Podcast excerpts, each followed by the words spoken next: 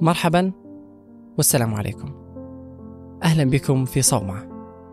المكان الذي ننعزل به عن العالم أجمع. لنفكر. قال فتى الأدغال: في الغابة قانون يسري في كل مكان. قانون أهمله البشر ونسوه الآن. ما هو هذا القانون؟ وفي الواقع هل هناك قوانين في الغابة هناك واحد فقط وهو القوي يأكل الضعيف.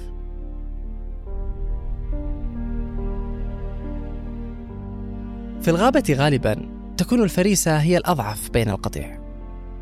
وردا على ماوكلي الإنسان في العصر الحجري كان القانون بالنسبة له كقانون الغابة الدائم. فالضعيف منا لن يستطيع العيش عندما يضطر أن يقاتل القوي. أو عندما يمرض سيكون موته حتمي لضعف جسمه في المقابل القوي سيبقى قويا يحارب المرض بقوة جيناته وينجو من الحرب بقوة بدنه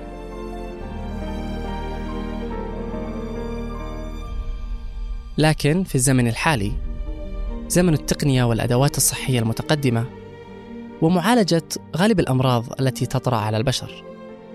الضعيف منا يبقى ويعيش.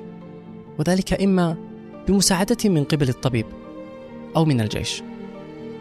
فالضعيف في هذا الزمان سيورث ضعفه لأبنائه ويتكاثر فينا. وبالمقابل القوي قد يضحي بحياته لأجل الضعيف. فمع هذا النمو المتزايد فينا سنكون بين النارين.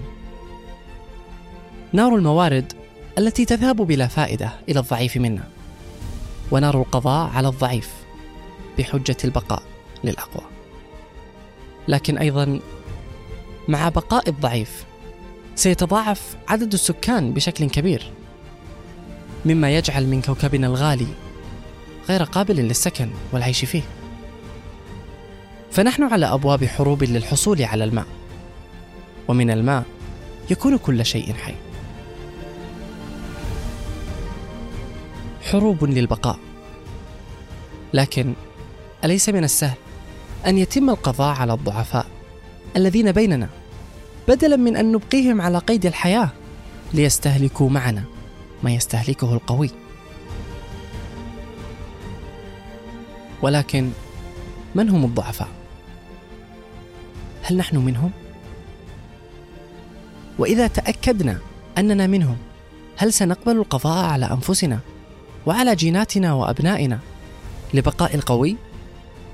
فحينما يتم القضاء على الضعيف هل سنكون بأمان؟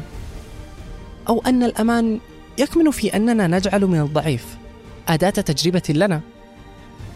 أحينما نستهلك الموارد الموجودة في أرضنا أنحن نخلق حياة كريمة؟